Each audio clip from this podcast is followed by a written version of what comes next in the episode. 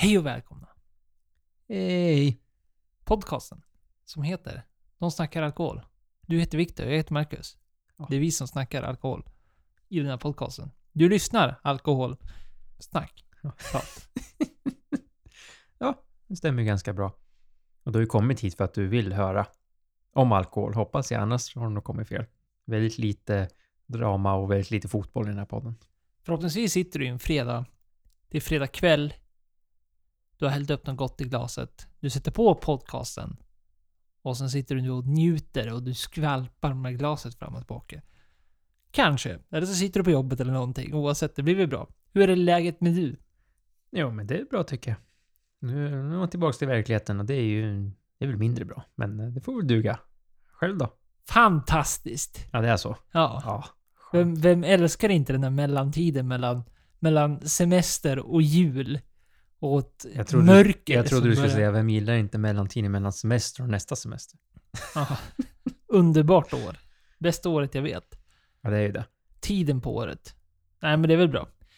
Man ska väl inte klaga. Nu kan man ju faktiskt sitta inne på sitt gods och hälla upp något gott och dricka på helgerna. Det är ju trevligt. Ja, det är skönt. Och så är det liksom, det är lite mässäsong och lite, lite sånt där. Mm, så det var lite andra roliga saker att se fram emot. Det, det är kul. Ja, men det, det duger. Det får väl ändå göra. Ja. Idag dricker vi i alla fall något gott. Ja, det här duger alldeles gott och väl en eh, mitt i veckan eh, sitta och snacka lite skit, dricka. Det gör det absolut. Det är ju en roséchampagne som vi köpte på båten som vi åkte för, blir det en månad sedan nu? Cinderella Viking Line. Båten. Båten. Båten. Vad, vad heter den då? Det har jag glömt bort. G. Gobillard. Säkert helt slaktat namnet också eftersom det är franskt. Eh, Ja, en eh. Vintage 2016 rosé. Jag tycker den är trevlig som mycket annat vi dricker. Ja, typiskt champagne är det väl. Det är väl den här lena, raka, liksom den eleganta smaken. Det är inte... Det händer varken bu eller bä eller någonting. Utan det är liksom, det är som de flesta champagnen i min erfarenhet som bara, ja men det, det är gott. Det går i. Det händer väl kanske inte sådär jättemycket ifall man är en sån som jag. Som eh, suktar efter sånt. Men Du måste ju ha en skitig champagne. Champagne. finns det? Ja, jag vet inte. Jag Finns det funderade skit i på champagne? Ja, det är det. Alltså, jag, jag, jag har ju faktiskt börjat dricka lite mer champagne. Jag har ju alltid varit, inte druckit sådär jättemycket champagne. Bra för mitt egna plånbok och inget annat. Det är ju faktiskt att jag har faktiskt gillat de här yngre, eller yngre, billigare. Som är lite mer brödigt sådär. Det här är ju inte det. Nej, den här är ju fortfarande så rosé. Som, somrig, alltså det är ju lite röda bär, friskhet. Men jag tycker ju inte att det, det är inte den bästa man har druckit, men det är absolut, absolut god. Skulle jag säga. Och det är nog vintage på den, så det är lite kul. Den är väldigt subtil. Den är... Mm, Det finns bättre. Men, men god. Ja, men ro, rosén eh, kom ju fram ganska rejält här dock. Mm, det gör den. Det är ju faktiskt bra när man ändå köper en rosé-champagne. För ibland har man ju köpt liknande, alltså rosé mousserande. Jag tycker att man känner ingen skillnad på den eller en vanlig. Det smakar bara samma. Mm. Ja, vad hade vi för pris på den här? Det var ju... Jag tror att vi betalade 499 för den här. Men när vi åkte båten. Det är ju ändå helt okej för en champagne. Ja, absolut. Det är väl vad folk faktiskt förväntar sig att lägga på en champagne. Typ. Ja, det skulle jag säga. När det ändå är... Om man säger om man köper en vanlig, vanlig champagne, deras vanliga standard, så kan man räkna lite billigare. En rosé så är den redan där dyrare och så har man lagt på en vintage så blir det väl lite mer pengar. Men det är fortfarande, ja, under 500 kronor. Eller 500 kronor kan man väl säga. Helt okej. Den finns tyvärr inte på Systembolaget. Så blir du sugen på det här nu och tycker om det här subtila, smakar mycket rosé, men eh, varken bu eller bä. Så finns den inte, tyvärr. Får man ta och åka båten? Får man åka båten? Det gjorde du. Jajamän. Vad gjorde du i helgen? jag åkte båt igen. Jag tycker om att åka båt. ja, du börjar bli eh, ung pensionär. Jajamän. Så ofta du åker den där båten. Ja, den här året har det blivit tre gånger. Så att, eh, ja. Jag blir pensionär så att det är väl bara dags att börja klaga på det här bränsletillägget. För det går ju fan inte att betala. Nej, det såg man ju även på bilden. Du la ju ut någon bild på Instagram nu för helgen, så, så var ju bra. Men vad såg jag? Av den bilden och tiden så måste du ha liksom sänkt medelåldern med, på, på, själv med ganska mycket. Ja, det var, Det var ju, du och äldre. Ja, det var jag äldre. Mysigt. Det var, ja, absolut. Det är ju bra. Ja. kan man bråka lite mer med dem. Ja, visst. Det var ju resa. några yngre, men det var ju... Ja, mesta del var ju äldre såklart. Men Och- du åkte väl också... Vilken dag var det du åkte förresten? Det är ju bara en dag. Är det bara en dag? Ja, det är bara en Ja, dag. Ja, Så okej. åkte fredag till lördag. Ja, Och det var ju Viking Lines eh, Champagne and Wine Fair som de hade nu. Som de har en gång om året. Vad jag vet i alla fall. Och två gånger. Och jag tycker ju att mässor är kul. Det tycker ju båda vi att det är roligt att gå. Man kan prova, testa lite nytt. Man kan även köpa och det är det som är det roligaste egentligen. Man kan ju bli ruinerad ganska enkelt om man hittar någonting man tycker är gott. Men eh, de har mässorna på två plan. Så att det är ju Café Melody och sen är det på den andra sidan. Okej, så det är inte bildäck? Det är inte... Nej, nej det, inte är, ju- det är ju som när whiskymässan var när det var pandemiår. Så det är på liksom de här två planen, så det är liksom, det är ju... Det är ganska trevligt tyckte jag. Mm. Jag tyckte om det. Jo, absolut. Bildäck är ju trevligt för att allt är på samma ställe. Men eh, det här är ju trevligt för man kan liksom gå ut och in på ett annat sätt. Men det blir en trevligare miljö. Det blir inte som att mässan för när det är på bildäck som det är, visst, eh, och Whiskey Fair är ju ganska stor mässa rent så. Men det blir ju som vilken mässa som helst, om du förstår vad jag menar. Det blir ju nästan mässkänsla över det hela. Alltså mässolokalkänsla. Medan när det inte var det, när det var uppe i de här vanliga etagerna, då blev det roligare. Det blev något så här unikt att, ja men nu är vi på färjan fast det är en mässa här. Ja, det håller jag med om. Och det, så lite så är det ju. Sen är det ju trångt, tycker jag. Alltså, det här som vi tänkte på under pandemin, pandemiåret. Vi är inte på bildäck för det blir så mycket folk. Vi är här istället. Men det är ju mycket mindre utrymme, så det blir ju väldigt trångt om man ska gå tränga sig där med glasen och försöka tränga sig fram till leverantören och smaka någonting. Så det är ju lite negativt. Fast vi var ju uppe, dagen, dag två så var ju vi typ först på mässan. Det var jättebra. Ingen där. Konstigt. Jaha, jag trodde det med, med, med den åldern. I och för sig, det var väl... Kanske ligger bakfulla i... Ja, jag sa det till någon Ja. leverantör. Gud vad lugnt det är. Ja, de äter frukost. De kommer nog om en timme. Hon bara va? De äter frukost. Får vi för fan gå och dricka? Det är mässa. Så där har man ju provat på lite olika drycker. Och jag sa ju till mig själv, jag ska fota allt jag provar, men jag hatar när det är för mycket folk. Så att jag, all, första dagen blev det dåligt med foto, men det var för att det var så mycket folk. Det var skitsvårt liksom att komma fram och försöka få en bra bild. Ibland fick man ställa sig, köpa en och sen kom det någon och trängde sig före och ville ha något annat, så då fick man backa ut. Jag fotar några. Så att vi ska försöka lägga ut här i helgen som kommer nu. Vilka, några av dem man provade. Och det, det som är roligt, jag tycker i alla fall med sån här champagne, det är att du kan ju prova typ två från samma hus samtidigt för liksom en ganska billig peng och sen känna en skillnad på dem. Så det gjorde vi ju lite grann. Och för det var ju lite mindre hus där också. Och där provade vi, det var en gubbe, han stod i ett litet, litet typ som uppfällt bord med två champagner. Det var allt han hade. Det var kul. Mm. Pratar han franska bara? Nej, han pratade engelska eller svenska, jag kommer inte jag ihåg det. Nej. Det var inte jag som beställde. Jag sa bara till min mor, de här två ska vi ha. Och så gick hon fram och så betalade hon. Nej. Hon inte vara dum. Nej. Nej. Det är ju kul att prova, men jag tycker det är svårt. Vi, dag två så testade vi lite rödvin. Men det tycker jag är svårt liksom att få något bra sätt utav. Vi vi gick till Penfolds, som då är australiensisk. De hade en, ett rödvin från, från Napa Valley. Det är lite kul när det ändå är ett australiensiskt företag som har i USA. Och Mm. där känner man ju väldigt starkt att ja, men det här behöver liksom en riktig köttbit till. Då hade det liksom gjort sig ännu bättre. Det var ju gott, men det är ju lite strävt. Och det är ju ofta på Napa Valley-viner tycker jag. Mm, det blir det. Det är tannin, tanninerna som kommer och kan bli liksom tunga i generellt sett när man dricker vin. Om man får, och tanniner är ju strävhet fast i, i vinspråk. Vi är ju inga experter men det är det folk, folk som kan har sagt till en. Så man lyssnar ju på det.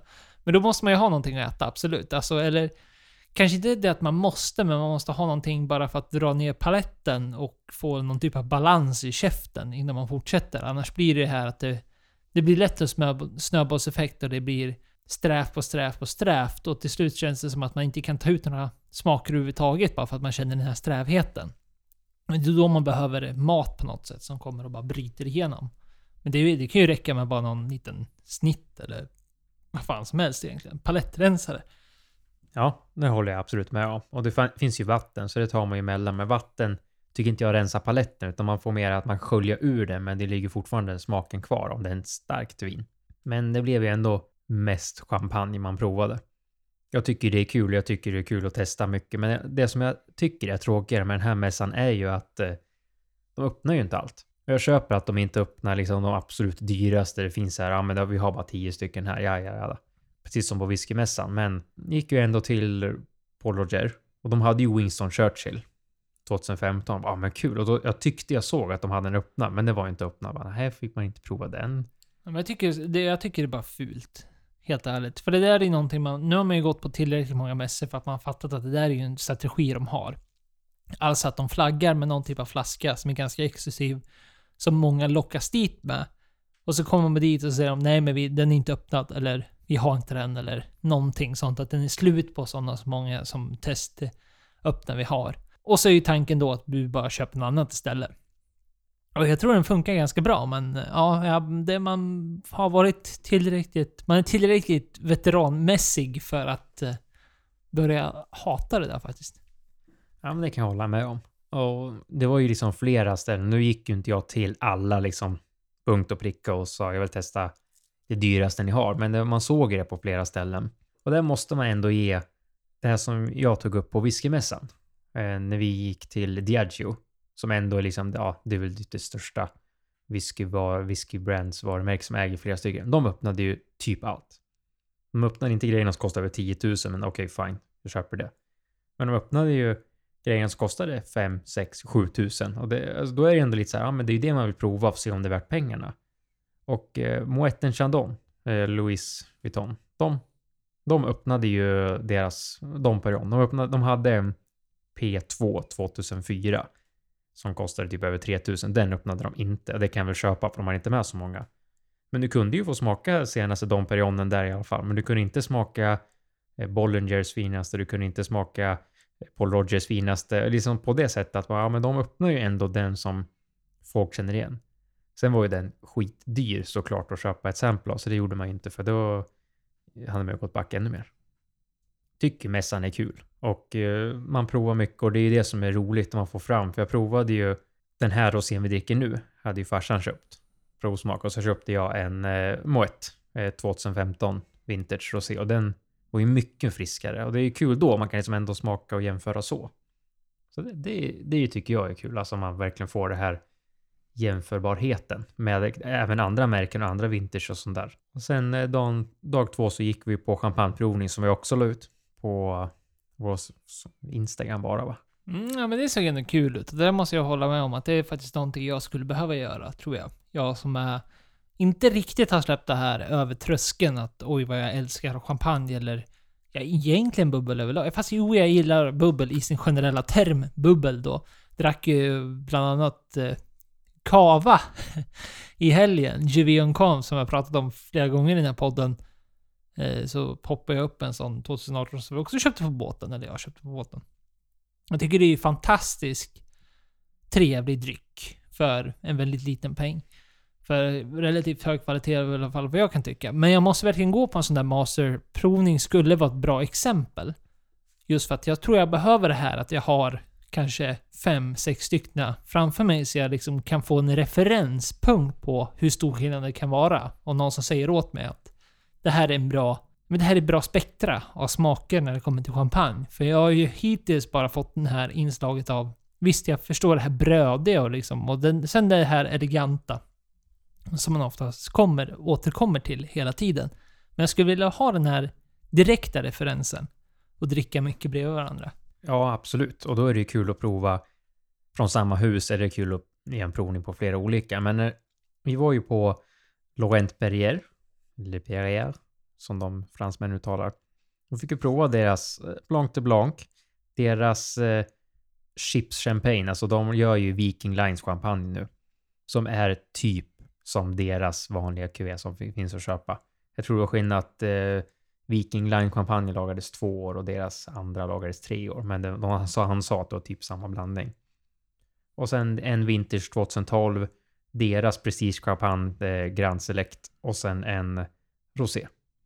Då är det ju ändå, ja, vad blir det? Fem champagner. Som är kul att prova jämsides och se liksom skillnaden. För både Blanc de Blanc och den vanliga, så de var lite som du säger, de har mycket smör och bröd. Mycket sånt och det, det är ju trevligt. Och sen kom ju eh, vintagen och granselekten och då är det liksom, det var, man märkte ju bara okej, men här händer det någonting. Men det blir det här eleganta som säger, det här smöriga och brödiga försvinner och så blir det mer elegant. Och den var ju jättegod. Alltså den granselekten. Så att det är ju kul att prova. Och det är kul tycker jag att köra den här vertikala, alltså det här är husets champagne. De hade med sig alla förutom två. De hade inte deras eh, Prestige Rosé, men den kostade ju Multum också som alla Prestige rosé, roséer gör. Och sen hade de inte någon som var typ ultrabrut. Det var 0% och så- alltså socker i. Det var liksom så, och det var kul. Det var den han pratade mest om. Han satt ju bara och babblade om han tyckte den var så bra, men han hade inte med sig den. Mm. Och nu är det också ett säljknep tänkte jag på då. Att du får prova alla här och han säger att den andra är bättre så åker folk och köper den. Mm, ja, jag vet inte riktigt vad jag tycker om faktiskt. om, man har med så många menar jag, så börjar man prata om någonting som man inte har med sig. Det blir ju... Ja. Nej, kanske är, kanske är säljknep. Marknadsföring. Ja, jag vet inte. Alltså, jag var ju på en annan provning förra mässan med han som jobbar under Rickard Julin. Och han är independent och det är sån stor skillnad att höra på någon som jobbar med champagne men liksom inte jag, är, jag jobbar för det här huset. För han satt ju bara såklart den här personen och pratade hur bra eh, Laurent Perrier var. Så det är som, åh det är så bra, det är prestige och lalalala, jada jada. Som alla som jobbar för ett företag såklart gör. De ska ju sälja in det här. Så det är ju det är två olika saker att kolla på. Jag tyckte det var bra. Alltså han var bra och han hade hektiskt. Han, en timme. Och han körde ju på liksom. Han kände, om det blir stressigt så hällde han upp champagne och så provade jag, han prata och så gick han vidare. Det var inte det här. Satt nu och pratade sakta down. Eh, han hoppade ju liksom över. Ni vet hur jag champagne, det hoppade vi över liksom och bara drog hushistoria på två minuter. Det, det kan jag tycka är ganska bra ändå. Liksom. Men Vi ska, champagnen är i fokus. Han förklarar om olika champagnen istället för att berätta hur champagne görs och hur historien berättas. För att jag tror de flesta som går på en sån provning har nog hyfsat koll på det i alla fall. Ja, men det, ja, och där kan man väl tycka att det borde ligga i definitionen. Ja, om man går på en master, för de heter ju ändå master tastings, gör de inte det? Vad fan heter Jo, de? masterclasses. Masterclasses, ja. Och då får man ju ändå, då tycker jag per definition att man får förvänta sig att folk ändå kan eh, ganska bitsatt när det kommer till grunderna. Man vet vad det är för typ av dryck man dricker. Och man, man är lite bevandrad. Har man inte det, nej men då är det liksom, då, då ska det snarare vara dens fel, så att säga. Så att då får man läsa på i efterhand eller någonting. Så det får du gå på en, på en annan provning där det, där det är mer grunder, inte så här masterclasses. Då förväntar jag mig att det är någon expert som sitter och pratar ganska nördigt om dryckerna. Det är ju det man förväntar sig. I alla fall jag skulle jag göra. Ja, absolut. Jag måste ändå berätta en till rolig sak. Eller rolig sak, alltså det är ju en, jag berättade ju för dig innan vi började spela in det här. En av champagnerna som fanns på båten var ju Bollingers eh, RD 2008. Den släpptes ju på systemet här typ en månad sedan var för mig.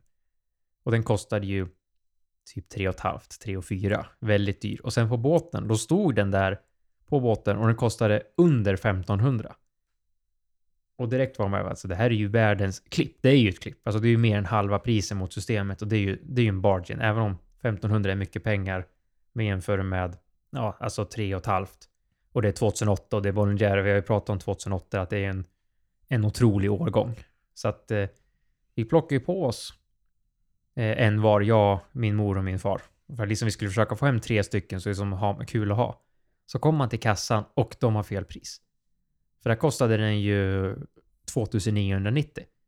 Och då var det ju ändå Bollinger-folket som hade satt fel pris. De hade sagt att det var 2007 och den kostade så. Men den hade de inte. Och sen var det 2008 som kostade så, så det blev ju ett ramaskri. Det var hur många som helst som plockade den. Och sen fick vi liksom, jag bara, vi tänker ju inte betala dubbla pengen för att få hem den här. Så att eh, vi, vi lämnade ju från, oss dem, så sa de att de skulle kolla över priset till sen när man fick gå och fråga. Så vi köpte en tillsammans, jag och min mor. Men det var ju flera, så bakom kassan låg det ju många som helst som direkt tror jag bara nej, det tänker jag inte köpa. Och jag vet inte vad köplagen egentligen är där. Det är ju priser som står som gäller. Men med tanke på att det är internationellt vatten Och det är Viking Line som tar betalt med det utställare som står. Så vi sa det, alltså egentligen vet inte om man kan kräva sånt där. Nu börjar man tänka i andra termer, men liksom, vad är det som gäller på internationellt vatten? Ja, nej. Bra fråga, ingen aning. Man orkar inte bråka heller, nej, man men orkar inte folk- vara den Man orkar personen. ju inte krångla. Nej. Nej. Man inser att ja, men det är, det är väl, alla kan göra misstag och typos och allt vad det är. Så man tar väl för, för vad det är. Ja, absolut. Så att det är absolut inget vi, vi gjorde, men vi började diskutera det och sa vad är det som gäller egentligen? För att i Sverige så är det, går du in i butik och du ser det priset så är det ju det pris som gäller. Det är ju, det är ju så det är. Men ja, det är en kul anekdot. Om det är någon som vet får de gärna mejla det till oss på kontakt alkohol. Om du jobbar med sånt här eller på båten eller något liknande. Vad är det som gäller när det står ett pris där och sen går du till kassan och det är fel pris? Är det samma som i Sverige? Men vi glömde ju, slarviga var vi, chief och vi, dåligt av oss. En så kallad dryckespodd då när vi pratar om kulturella fenomen när det kommer till alkohol, allt och drycker och allt vad det är. Och vi missade ju att annonsera att Oktoberfest officiellt startade i lördags. Uh. Ja, det är ju faktiskt lite katastrof. Inte för att jag tror att det är kanske jättemånga här i Sverige som började redan i helgen. Jag vet... Jag gjorde. Ja, Jag kampanj. ja precis. Du, du och 70-åringarna. Jajamän. Oktoberfest. Läderhosen åker på. Så det är bara att 100%. köra. Så det är bara att köra. Jag vet ju att folk ska vara på sådana festligheter i konvent och sånt där som håller på från och med den här helgen som kommer. Alltså, ja, vi släpper det här på fredag. Så fredag, lördag, typ. Men officiellt så börjar ju Oktoberfest 2023 börjar den 16 september. Och så håller det på till 3 oktober. Så det är ju lite där, för den som inte då visste då att Oktoberfest. Det är ju lätt att tro, och inte konstigt att tro, att det är en fest som håller på i oktober. Den heter Oktoberfest. Men den slutar ju alltså i början av oktober. Så att man firar in oktober fast den börjar mitten av september. Det kommer bli en eh, tung vecka om vi ska dricka ända till tisdag om två veckor. Nu. Ja, de är, det är ju en lång jävla fest alltså. Det, Det måste, Det- det ska måste vi, de ha. ja, det har vi inte tagit ledigt för. nej, det kanske borde bli en sån här ny röd dag. Jag tror det. Det här borde vara en högtid. Ja, det kan man tycka. Ja, jag är ganska religiös på Oktoberfest. Så att det, vi- det här måste jag ta ledigt för. Oktoberfest, för dig som inte vet, jag tror alla vet väl vad Oktoberfest, men det är en jättestor ölfest. Det är liksom, det är sailar som åker runt och det är folk som traditionellt sett, där är ju just med männen springer runt i läderhosen och kvinnor springer runt i såna här traditionella dräkter. Dimdil, eller vad de heter. Ursprunget är från München. Och det är väl där det fortfarande är i sitt, eh, liksom, i sin grund är det väl München man ska åka till Tyskland ifall det någon vill gå på en genuin oktoberfest. Men det är någonting som har spridits, vi, det är någonting man firar runt om i hela världen. Som sagt, här i Sverige finns det massa eh, konvent och sånt där som har oktoberfester numera. Svinkul, vi pratar ju om släppet. Systembolaget har ju till och med ett designerat oktobersläpp som är den första september. Eller var det i år i varje fall. Nej, riktigt kul faktiskt. Historien och sånt där, det skiter vi väl i va? Eller? Ja, så kul är det inte. Tycker du att det är intressant så kan du läsa om det själv. För det är inte, det är inte jättemycket alltså, att läsa så. Så det kan man ju kolla upp själv. Men det här är väl någonting som egentligen för oss, vi har ju pratat om tidigare, att vi skulle vilja åka på det här någon gång. I, i Tyskland, München. Ja, ja, alltså det är klart man ska... Någon gång, någon gång i mitt liv så ska jag åka till München när det är riktig oktoberfest. Så är det. Nu. Men det är väl också ett tips för dig som inte kan åka till München. Och du som är frisk och kry och allt vad det är. Det är väl att kika runt i eh, nära städer, nära dig. Eller om du bor i städer där du har faktiskt ett ganska bra utbud. Kolla på pubbar. Kanske har någon så här extra grejer nu eller extra bra pris på viss typ av öl och, och allt vad det är. Så Låt sejdlarna höjas där ute runt i landet och drick god tysk öl. Eller den svenska oktoberölen som kommer från våra svenska hantverksbryggerier där runt om i landet. Världens äldsta vodka släpps. En Chopin Vintage Vault 30 år. Vodka kommer nu släppas. 30 år i vodkan då. De lägger sin första destillation de drog in i Chopin som då räknas som en, den, ja, men det första premiumvodkamärket som någonsin polskt. Som du sa. 1993 gjorde de sitt första destillat. Och den här kommer därifrån. Ja, de utnämner ju sig för att vara verkligen så här eh, luxury vodka, alltså verkligen ultra premium inom vodkavärld. Och de har ju skrivit ut, det är ju Forbes som vi hittade här. Och eh, de har tagit den blyga priset 3000 dollar kommer den här kosta. Mm. Och det är sjuka är att det kommer ju säkert, bara för att det här är första, så kommer det här säkert sälja. Och jag tror till och med att du kommer kunna köpa den här för 3000 dollar och sen den kommer stiga i värde, tror jag. Just för att det är den första 30-åriga. Och det första, det är ju egentligen oavsett vilken marknad, nu pratar vi alkoholhaltiga drycker och vodka speciellt, men det första oavsett vad det är blir ju alltid speciellt och kommer alltid ha ett högre marknadsvärde än av allting som efterföljer. Så att även om det låter som en sjuk prislapp så tror jag inte att det kommer vara sådär. Jag tror att det där kommer sälja alltså. Så det är ju en nischmarknad. Men det är det ju, alltså, vi, vi som har pratat om premiumdrycker överlag, alltså även om det är whisky, vin eller typ tequila och sånt där. Så fort det kommer upp till en högre prislapp och det blir en ålder på det och sen att det associeras med något lyxigt så är det ju ändå efterfrågat. Sen är det ju inte vanliga Svenssons som vi kan kalla det för, som köper de här, utan det kommer ju vara en viss marknad. Men jag tror som du säger, första 30-åriga eh, vodkan och den är ju lagrad i ståltank. Så den har ju behållit sin, eh, sitt klara, eh, vad säger man, klara dryck. Och det är det som är lite intressant, för man kan ju alltid, alltid alltså inom spritdrycker, om man associerar någonting som blivit lagrat, är ju just att det har legat i något typ av fat. Så att det har fått en smaksättning därutav åldern med tunnan. Men nu har ja, legat i en ståltank. Påstås ju naturligtvis tillverkarna att det har hänt mycket med, med både smaker och aromer och allt vad det är. Men man undrar ju hur mycket som faktiskt kan hända om det har legat i en ståltank i 30 år. Ja, alltså lite. Det, det känns som att det, det liksom bara blir... Eh, ja, det är om liksom det... Det finns ju ingenting som kan lagras som säger få smak från ett tunna, utan det är ju mest att det bara kanske har suttit och liksom fått smaken av att det legat så länge tillsammans alltihop. Att den liksom åldrats där i. Fast på ett annat sätt. Ja, jag vet inte heller. Det känns lite... Eh. Ja. Det är ju nu man önskar att man skulle skita pengar så man faktiskt kunde köpa en sån där bara för att ta reda på det och kunna tokärligt säga vad är det som har hänt. För jag tror ju... Ja, min, min, första tanke är ju att nej men det här kan inte ha hänt så jättemycket. För det är väl utsatts för kanske, ja men visst, som du säger, det har inte skvalpat runt och sen visst oxidering till sin gräns, men... Ah, tveksam är jag. Jag förstår inte vad du menar. Har inte du redan beställt den? Och nu har det släppts.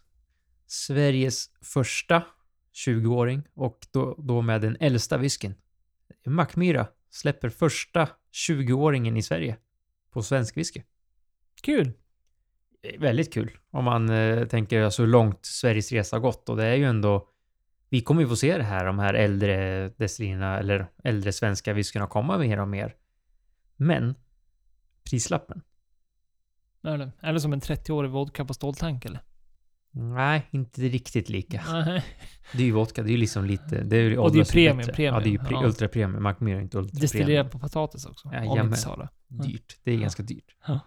Nej, men 8000 går den här inför. Ja. Ja. Men fan med samma, jag drar ju samma analys, alltså samma trötta jävla analys, att det kommer väl ändå hålla sig, eller? Den första 20-åriga whiskyn. Jag har ju sett i Facebookgrupperna att det är ju många som är negativa till prisbilden och... Ja men det alltså jag... Det förstår mig, det kommer alla vara när de ser en prislapp som kanske är utanför sitt egna spektra om du förstår vad jag menar. Ja, men det, det kommer, men det kommer ju det här som du och jag diskuterade tidigare, att eh, när vi lägger 8000 på en 20-årig svensk whisky, vad får du för en skotsk whisky för 8000? Ja, men det tror jag man får tänka på. Nu får man tänka ja, den första du, svenska... Vi måste tänka så. Ja, precis. Jag tänker exakt likadant. Den första svenska... Sen när, vi, när, sen när vi pratar den femte svenska 20-åriga whisky, då köper jag det. Då kan man börja så här verkligen kunna sätta in det mot... Men nu är det ändå nu är den helt säregen. Första svenska whiskyn. 20-åriga. Nu, nu är den ju helt egen i sitt segment menar jag. Då finns det ju egentligen ingenting att jämföra. Därför kan man ju argumentera för att 8000 kronor är helt okej. Även ja, om jag kommer inte köpa den. Nej, det är alldeles för mycket pengar för mig. Men nu ska man inte försöka låta som att man låter som någon sån här prestige. Men, men man får ta, får ta det för vad det är liksom. Vilken vara är det? Det är den enda som existerar. Då, då blir ju 8000 kronor, visst det är mycket pengar, men det är inte orimligt mycket pengar heller. Nej, absolut inte. Och allt är ju dyrare. Som det är för mindre destillerier jämfört med stora destillerier. Och den är ändå den första lagda på reservefatet, så det är inte det första fatet, men på reserve. Och reserve, Macmillan har ju fått bättre eh, rykte. Och sen är det ju många som tror att sitter kvar i det gamla, att eh, Macmillan det är dålig whisky, för jag drack den första när den släpptes 2004 eller vad det var, och det var ju inte bra. Nej, nej, sådana finns ju alltid, tyvärr. Men har de sagt hur många flaskor de släpper då eller? 238 flaskor har jag fått fram, eh, någon sida här har skrivit. Så det är inte jättemånga heller. Nej, nej det tror jag faktiskt det kommer nog sälja. Ganska snabbt dessutom, tror jag. För 238 stycken, då är det inte tillräckligt... Men tillräckligt antingen såna här whisky-entusiaster med, med djup plånbok eller rent att man fokuserar mycket på att köpa whisky överlag, kommer ju köpa den här. Och sen finns det tillräckligt många med, ja men så här Leif GW-typer runt omkring som har mycket pengar som kommer köpa den här. Garanterat. Just för att det är den första svenska. Ja, det tror jag med. Det kanske inte liksom går åt lika fort som en del andra flaskor. Och de här som eh, ja, nej-sägare kan man väl kalla dem. De kommer ju inte köpa den, de kommer ju bara klanka ner den. För jag kommer inte heller köpa den. Men jag skulle väldigt, väldigt gärna vilja prova den. För det känns som en rolig upplevelse ändå få smaka den första 20-åriga whiskyn. Det är, tror jag ändå något man kommer sikta in sig på. Vilket också gör att kanske många krogar som köper in den. Ja, det tror jag med. Och det är ju, alltså investerare tror jag absolut. Man har ju sett hur många investerare rent ut, rakt utav som satsar mycket på whisky. Och den första svenska 20-åriga, den kommer ju öka i värde. Alltså nu, nu får man ju tänka på det stadiet den befinner sig i nu. Som sagt, ensam på marknaden, svår att jämföra med. Men om man då tänker om 10 år, man får ju ha lång, lång period, eh, långsiktsperiod på, på detta. Men när vi säger att det finns flera andra 20-åriga whiskys där ute. Och då kan du peka när du har, om inte vet jag, har du fem olika stycken 20-åriga. Då kan du peka på den här och säga att det här är den första 20-åriga. Den första äldstaste whiskyn. Den svenska whiskyn. Och då kommer den vara värd pengar. När den står mot det sällskapet. Oavsett smakprofil. Ja, det kan nog stämma. Jag så Macmillan har ju varit en dålig investering länge. Då jag tror aldrig du har fått liksom tillbaks mer än de pengarna du betalar för dem. Men det är som du säger, om man tänker långsiktigt. Att eh, liksom när det finns flera och det här är den första. Och eftersom det inte är så många flaskor så är det säkert många som öppnar upp den och typ går till krogar och sånt. Så det blir nog inte jättemånga kvar. Tror jag inte. Nej, det, nej, nej. Och det tror jag också är någonting som är att tänka på eftersom Acmir har varit en inom citationstecken, alltså en dålig investering. Du liksom inte fått tillbaks pengarna så är det säkert många som köper och öppnar den. För att de vet att nej, men det är ingen idé att hålla på den. Vilket då kanske gör att i framtiden så finns det inte så många kvar och då kanske den är värd mer pengar. Mm. Ja, de bryter mark i varje fall och bryta mark brukar ju gå bra när det kommer till samlarvärde så att ja, vi får se vad som händer. Kul för Macmyra. Vi har pratat om det tidigare avsnitt. Vi får ju nu summerade siffror, vad vi kallar det för. Och det är ju då hur, hur dåligt det har gått för vinländerna Italien och Spanien. Där skördarna ser förjävliga ut nu när vi är uppe i dem, eller ska... Ja, men man har bättre koll helt enkelt, hur det ser ut. Och de, de visar ju återigen eh, väldigt negativa siffror. Och det är ju Italien, Spanien som visar 2023 kommer liksom gå ner rätt hårt. Och det är det har vi ju sett tidigare och det är ju allt som har hänt nu och det som vi har rapporterat tidigare, det är väder. Det har varit tokvarmt och torka och det har varit stormar och varit översvämningar. Liksom det, det har aldrig varit ett normalt väder egentligen. Nej, och det här är ju för alltid, även om man kanske hade kunnat sett det här bara för några veckor sedan när vi väl har ja, men, lagt fram de siffrorna vi hade då, så kanske man tänkte ändå att ja, men visst, de kanske kan återhämta sig på något sätt, eller att det kanske inte ser så illa ut. Men eh, bara dra några siffror här bara för att få, få någon typ av referens, så är det alltså att det sjunker på flera olika ställen, men bara ja, 20% kan man läsa på vissa områden. Södra Italien läser vi 25%, Sicilien 30 30%, alltså det är rejäla jävla tapp alltså. Det är inte bara någon här och där. Men även i Spaniens största produktionsregion så ligger man nere på 22% kommer man tappa i år. Så att det är ju rejäla siffror vi pratar om här alltså. Och då har vi ändå rapporterat tidigare att det ser mörkt ut för Italien och förra avsnittet pratade vi om prosecco. Vi har pratat om mjöldaggen i Bordeaux. Och alltså det, det fortsätter ju vara väldigt negativ spiral och det har ju brunnit mycket i Argentina och så. Men eh, det som är ändå svårt är att de visar ju att det är dåliga årgångar, det kommer finnas dåligt med reservin från det här året. Men det är fortfarande ingenting som tyder på att det kanske blir en dålig årgång. För vi kollade ju förra årets 2022s år Bordeaux, eller Bor... Jo, Borgong var det. De visade ju att de vinerna visade sig bli väldigt bra. Så att vi kan ju fortfarande se att det kanske kommer jättebra viner härifrån då, när vi liksom vet hur vinerna har blivit. Men eh, kvantiteten kommer ju sjunka något drastiskt och då kanske eventuellt priserna höjs därefter också. Ja, och eh, har du då köpt din Mackmyra för, vad sa du, 8000 kronor? Mm. 8000 kronor. Då kanske du tänker, ah, vad ska, mer ska vi ha då? Om man ska börja jävlas och börja jämföra med skottar som du var nära på att göra där. I och för sig, hade det varit Skottlands första 20-åriga whisky, fatta värdet på den idag. Så hade man ju, ja. Ja, den här har sålt. Ja, det går inte riktigt att jämföra med Makyra va? jag tror inte Nej. det. Nej, jag tror inte det heller. Tyvärr. Men, eh, ja, det väl- vi är väl inte ens nära, men bara för, bara för narrativets skull så kan vi säga att vi i alla fall, vi är snäppet närmre, om vi säger så då, med Talisker Släpper sin äldsta whisky någonsin. Prima Ultima Line. Och det är ju Diageo som släpper sin nya serie. Jag tror inte ny, kanske funnits något år. Men ja, Prima Ultima. Och det är ju bara som det låter. Det ska vara premium och exklusiv whisky. Och då kommer de släppa en Talisker som är på 46 år. Det är några år.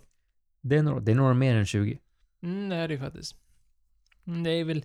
Ja, jag vet inte hur mycket det finns att säga om det här. Det är väl, det är väl kul att det liksom... Och det är väl någonting vi ser generellt sett i marknaden. Inte bara det att vi ser att säljningskvantiteten för många destillerier ökar och produktionen ökar. Men även ålder. Det är väl bara det här senaste året så har vi sett att Glenn Farklas släppte väl rekord. Glenn Livet släppte väl rekord. Nu Talisker. Det var någon mer bara för någon vecka sedan men också som Brå, släppte. Bråra släppte ju någon 55-åring. Kanske ut och cy- cykla så med den som också ser ut som Hej kom och hjälp mig. Ser ut som en... Någon, någon sa bra att ser ut som ett konkelbär tror jag. Ja, och Ork nu, vad heter de då? Highland Park. Highland Park, de släppte väl rekord. Ja, och... Det, det kanske är länge sedan vad man tror egentligen bara, men... Nej, det är mycket nu och eh, när vi ändå liksom pratar om det så jag tror väl det är typ idag eller igår så släppte ju även, alltså från den dag vi spelar in det, så släpper ju Gordon McFail en 74-årig Glenn Livet från deras private sellers också. Så att det är ju populärt med gammal whisky nu. Kan man ju säga. Och det har det ju varit ganska länge ändå. Och priserna är ju därefter. För i den här Prima Ultima-serien så är det ju liksom, Diageo ska släppa finare. De har ju sina special releases, de släpper varje år. Och där är det ofta lite yngre, kan vara någon lite finare. Men det här ska ju vara liksom deras snäppet uppåt lite bättre. För i den här serien så är det ju både Brora och Port Ellen med som då ägs av Diageo. Och sen har de ju även med sig, som vi sa här, Tallisker och de finns ju Oban och så har de även en Singleton och en Pittwick. Och Pittwick är ju också ett nedlagt destilleri så att det är väl de försöker pusha på att liksom de får den och blir nästa Brora och Port Ellen för att så mycket finns inte kvar av de tunnorna tror jag. Nej, så är det ju marknaden och köper de här och eh, vill skicka ett sample till din favoritpodcast och hör av dig till kontaktet snackaralkohol.com. Jaha ja.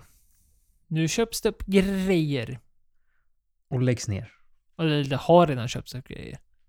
Och det har redan beslutats om att det ska läggas ner. I det här fallet så är det pilsner.nu som rapporterar just det att Carlsberg köpte ju då upp eh, Witch, Witch, Witch, Witchwood Brewery. Ett engelskt bryggeri som då framförallt är kända för att brygga Hobgoblin. Hobgoblin. Hobgoblin. Hobgoblin. Och de- de som eh, känner igen namnet vet, känner nog absolut igen etiketten. För den här finns väl liksom både på att nästan, ja, inte alla kanske, men de flesta system har den funnits på. Och den finns ju även i så här, typ 3-5 för mig på typ vanliga matbutikerna. Det är en sån här eh, etikett som jag inte riktigt vet. I och för sig, nu blir jag lite... Eh, nu, man ser ju etiketten här, är ju uppe på Pister.nu. Men den är ju väldigt speciell, etiketten. Och jag tänker det att det är en liten... Det är en liten goblin då. Som går runt med en yxa, ett vapen. Tror du man får det på Systembolaget? Det där är ju någonting vi har, för mig har pratat om förut, att kom det här upp innan lagen trädde i kraft så är det okej. Och det här är ju ett gammalt eh, det. bryggeri. Och sen är det ju det som, det är inget blod på den. För det fick ju Iron Maiden Trooper-ölen fick ju ta bort svärdet med blod, så de fick ju kliva bort hela det. Men här är jag för mig att det är något sånt där att eh, är det gjort innan den här lagen trädde i kraft så är det okej. Och dessutom är det inget blod, så att de syftar ju inte på mord, utan det är och sen är väl att det är en Nej, det ser likadant ut på Systembolaget faktiskt. Ja, jag tänker en sån här mytomspunnen varelse, vad säger man? Fulare etikett på Systembolaget. Eller ja, det, det är Skräll. väldigt modern då. Men den är Skräll. fulare. Men ja, jag vet inte. Men tänk om man får lite lust nu då, gå runt med en yxa och dricka öl och hur bra blir det då, Systembolaget? Ja, nu har jag jättemycket sug för det. Ja. Men de har ju blivit uppköpta av Carlsberg. Och nu har Carlsberg valt att lägga ner bryggeriet i Oxfordshire. Det är ju jättetråkigt, som det är tidigare. Men de ska ju inte lägga ner öl nu, utan de ska ju fortsätta brygga ölen. Eh, men man vet ju aldrig vad som händer när de flyttar runt på det och gör det någon annanstans. För då som jag förstår det så har ju bara de här ja, Witchwood Brewery gjort ölen. Alltså det inte varit det här som vi har pratat om tidigare med att Carlsberg öl kan vi, nästan vilket som helst destilleri göra bara de har receptet. Mm, ja, och de har köpt med sina kontrakt eh, bryggerier och sånt där. Carlsberg är duktiga på det. Men eh, ja, eh, visst, det går ju att ifrågasätta. Det är väl kanske en, visst en klassisk öl så, men har väl inte haft några så här jättespeciella karaktärer som kanske sticker ut på ett väldigt speciellt sätt. Samtidigt som jag tror att det är många som har ganska djup nostalgi av den här ölen och kan känna de här instegsölerna de tog för att liksom sp- eh, sprida sin, sitt intresse för, för andra typer av öler och hantverksörer som ändå varit bra och tillgänglig hittills för ett ganska schysst pris. Men jag vet inte om, sådär, om jag personligen skulle vara sådär jätteorolig för att Carlsberg, säga vad man vill om Carlsberg, koncernen Carlsberg, men de är ändå, tycker jag, och har visat duktiga på att brygga öl. Även om det inte är deras egna, utan de är duktiga på att eh, behålla någon typ av smakprofil och det som an, ändå anses vara viktigt. Det känns som att de är duktiga på det de gör, även rent dryckesmässigt. Även om de kanske är ännu duktigare på sitt varumärke och marknadsföring. Så är de ändå duktiga på det de gör. Så jag tror väl kanske, så det, det, vi får väl se eh, hur det blir, men personligen är jag inte jätteorolig. Det, det är väl egentligen det här som en del har pratat om tidigare med att när större bryggerier köper mindre och lägger ner dem. Det är väl den kanske som är den här oroligheten med den här nyheten. Som många har farvågat att just man köper, ja, Carlsberg köper ett mindre bryggeri och så lägger de ner det för att inte ha någon konkurrens. Ja visst, eller bara tråkigt därför, men de gör ju säkert av logistiska skäl. Återigen, de är ju kanske ännu duktigare på, på varumärkesmässigt och marknadsföret och driva en bra business. Och eh, då försöker man väl få det lite mer centraliserat för, för sin egen produktion, för logistikens skull och för, för att komma ut i butikerna. Så det är väl sånt beslut, men naturligtvis jättetråkigt för de som jobbade på bryggeriet i Oxfordshire. Och ja, varit med hela vägen. Och för de som kanske har någon typ av association till, till bryggeriet så är det ju naturligtvis tråkigt att flera och flera utspridda bryggerier blir uppköpta av stora. Och inte då bara för, visst jättetråkigt med folk som tappar, tappar jobb och allt vad det är, men även för den kulturella biten som är en stor del utav historien när vi pratar om öl. Det är just stilarna som kunde bli stilar just för att bryggerier låg en bit ifrån varandra. Man härmade inte varandra utan man tog det man hade och man bryggde öl för det man tyckte var en bra öl och så vidare. Svårt idag med dagens globalisering, absolut, men en stor kulturell viktig del som är, en grund till varför vi har alla stilar som vi har idag. Och det är ju tråkigt att ju mer det blir åt det här hållet så kommer vi tappa det mer i framtiden och vi kommer vara kvar av de stilar som redan existerar idag. Och då naturligtvis rent geografiskt, det är klart vi kan få nya stilar som, som vi har också bevisats fått för, för all den produktion som görs idag. Och man provar sig fram och man provar vad på grund av globalisering och den marknadsföring man, kapacitet man har idag så att folk får prova på nya saker så kommer det aldrig sluta med nya ölstilar. Men den geografiska aspekten som är rotad i historien, den kommer ju sannoliken säkert försvinna ifall det här fortsätter. Reddit levererar igen. Det gör de alltid. För er som inte vet och levt under... Ja, nu, ska vi inte, nu ska vi inte mobba någon som inte vet vad Reddit. är. det, det är väl inte jättekonstigt. Men det, det är ett internetforum där, som har funnits väldigt länge nu. Där folk kan ha alla möjliga typer av inslag. Det är som, tänk dig ett eh, mer, mer, eh, vad ska jag säga, mindre radikalt Flashback fast på engelska typ. Som är mer globaliserat och förstört lite på vissa, vissa idag. Ja, det, det, är en, det är en helt annan diskussion. Men man har diskuterat öl. För där finns det naturligtvis då forum för både craft beer och vin och allt möjligt som jag faktiskt kan rekommendera ifall du är intresserad av drycker som du säkert är om du glider in i den här podcasten. Jag vet inte varför, varför annars du skulle vara här. Men, men då, under ölforumet så har de då diskuterat och några hade lite hot takes som har skapat lite diskussioner. Varav, vi drar två stycken bara. De drar upp flera exempel här i, i the, Spear, the Drink Business. I den här artikeln. Men vi börjar med Stout. Season is all year long. Många som påstår att det är det. Vad tycker du? Ja, absolut. Du, du kan dricka året om tycker jag. Sen kan jag förstå, som vi har pratat om, när vi pratar om säsongsdrycker, att man blir mer sugen på stout nu än vad man kanske är på sommaren. Men jag ser ju ingen negativt med att ta en stout på en eh, sommardag så. Sen eh, suktar man inte lika mycket efter det. Nej, nej, det finns ju någonting där och diskussionen i det här ledde ju då till att det är många som påstår då att det är en säsongsdryck. Medans ja, vissa då påstår att en säsongsdryck, det ska ha någon typ av speciell ingrediens eller något sånt där. För att få kalla det en säsongsdryck. Men det är vad man vill påvisa. Är då att det går att dricka. Det är ju dricka gott dricka när som helst på året. Och jag håller också med. Men samtidigt som jag också kan förstå den situationen då jag kanske personligen inte dricker lika mycket stout och porter och allt vad det är. Under sommartiderna. Som man kanske gör vid resterande delar av året. Även om jag fortfarande dricker det. Absolut. Jag kan bara hålla med. Jag kan ju tycka det är trevligt att ha en, en stout på kvällen. Jag, så, jag suktar inte lika mycket om det är 30 grader ute. Men eh, det är ju absolut ingen sån här bara nej, ingen stout. Typ från första, vet inte jag, första maj bara nej, då är det slut med stout och sen ingenting förrän inte jag, första september, oktober. Så är det ju absolut inte. Men jag köper också, som du sa med att folk tycker så. Som vi pratade om med att rosé, man dricker ju mer rosé på sommaren än vad man gör på vintern. Och det är väl typ som det här. Du dricker mer mörka och öler på hösten än vad du gör på sommaren. Mm. Ja, då hoppar vi till nästa då. Delade åsikter. Dela med dem till kontakt att snackar Att en folkbärs skulle vara den perfekta ABVn är det folk som påstår. Alltså då att man tycker att eh, 3,5% är den optimala ABVn på en öl. Alltså alkoholprocenten. Det är ändå sjukt. Ja, ja, det är precis lika mycket som att 40% är den perfekta ABVn på en whisky. Vilket skämt. Nej, alltså jag förstår grejen med att om dricker du svagare öl så kanske du får fram lite mer smaker beror på vad det är för öl och sen blir du ju absolut inte lika full som du ska jämföra att dricka typ en trappistor på 10%.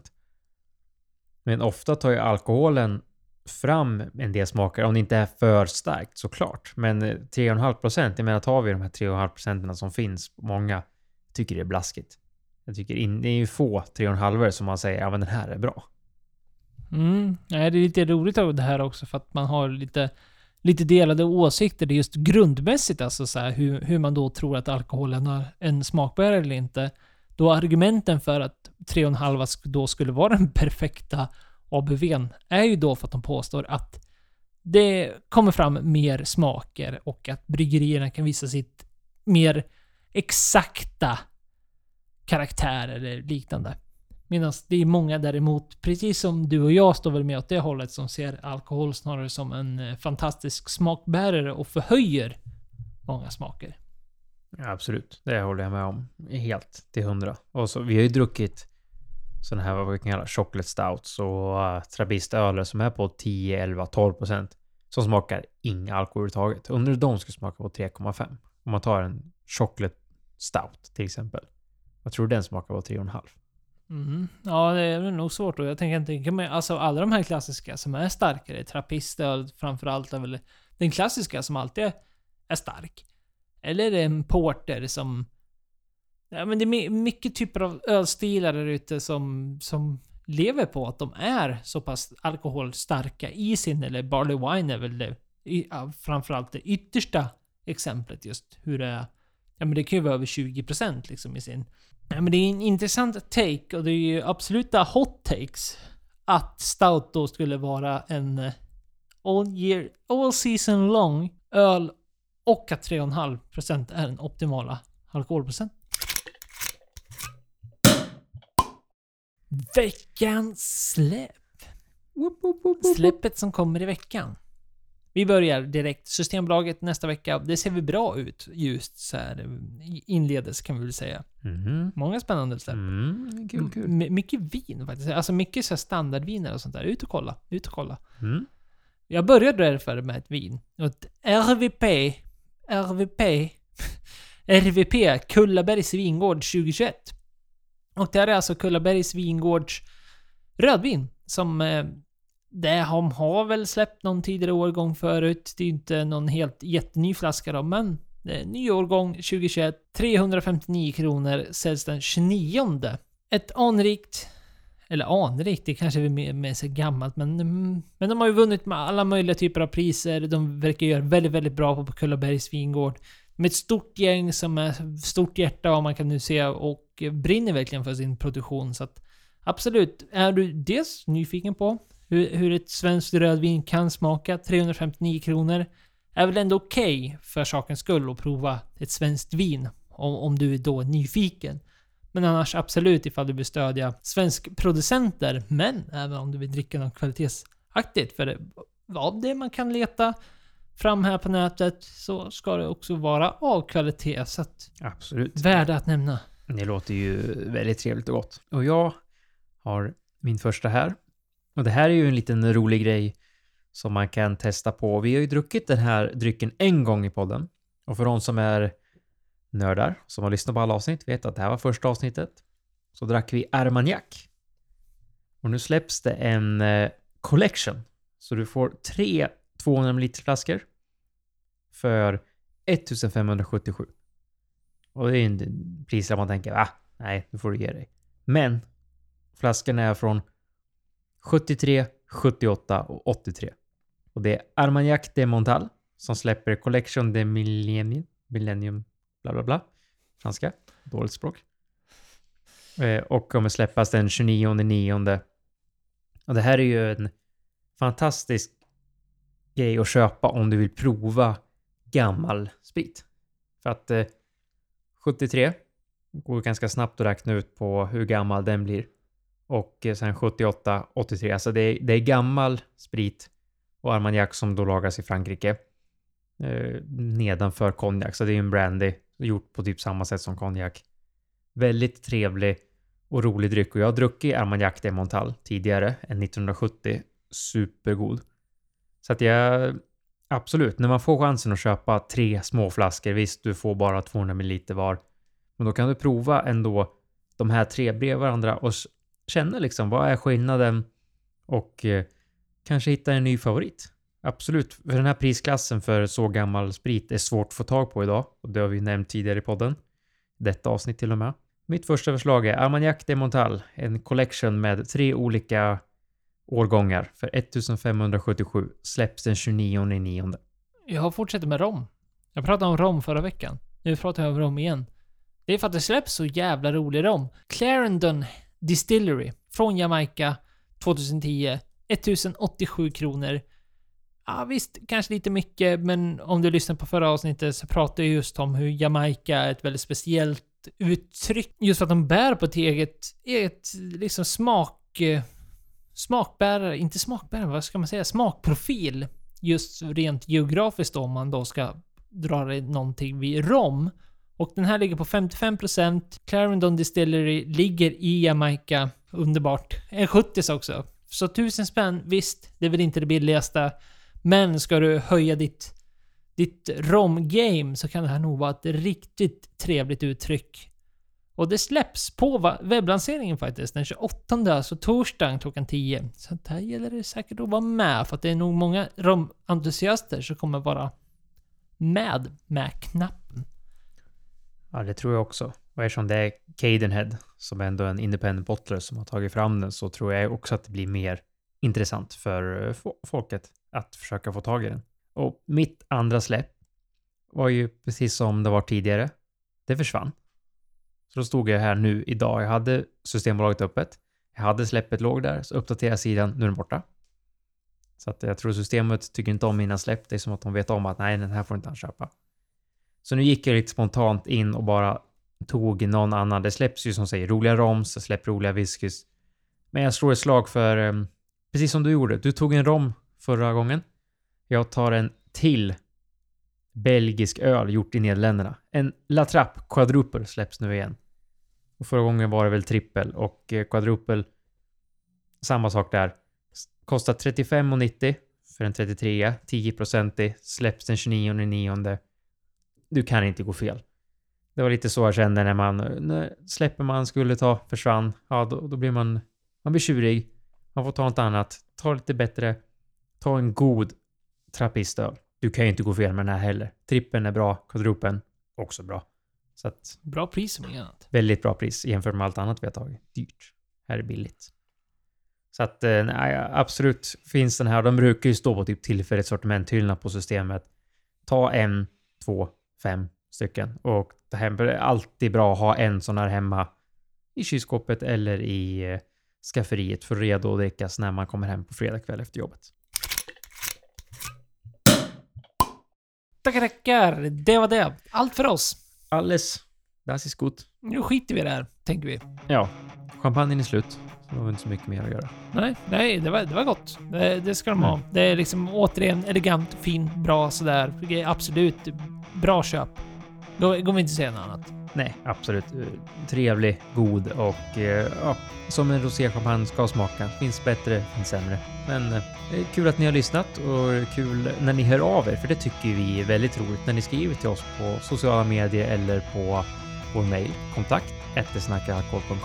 Och det kan vara att ni har någon input på någon diskussion vi har eller att ni bara vill smälla oss på fingrarna och säga någonting, att vi har faktafel eller någonting sånt där som vi tar glädjen emot allting typ av eh, konstruktiv kritik, kritik eller bara sådana små lite parenteser som ni uppmärksammar så vi lär oss ännu mera. Och eh, med inget mer att säga så får ni ha en eh, trevlig helg och trevlig vecka så hörs vi nästa gång.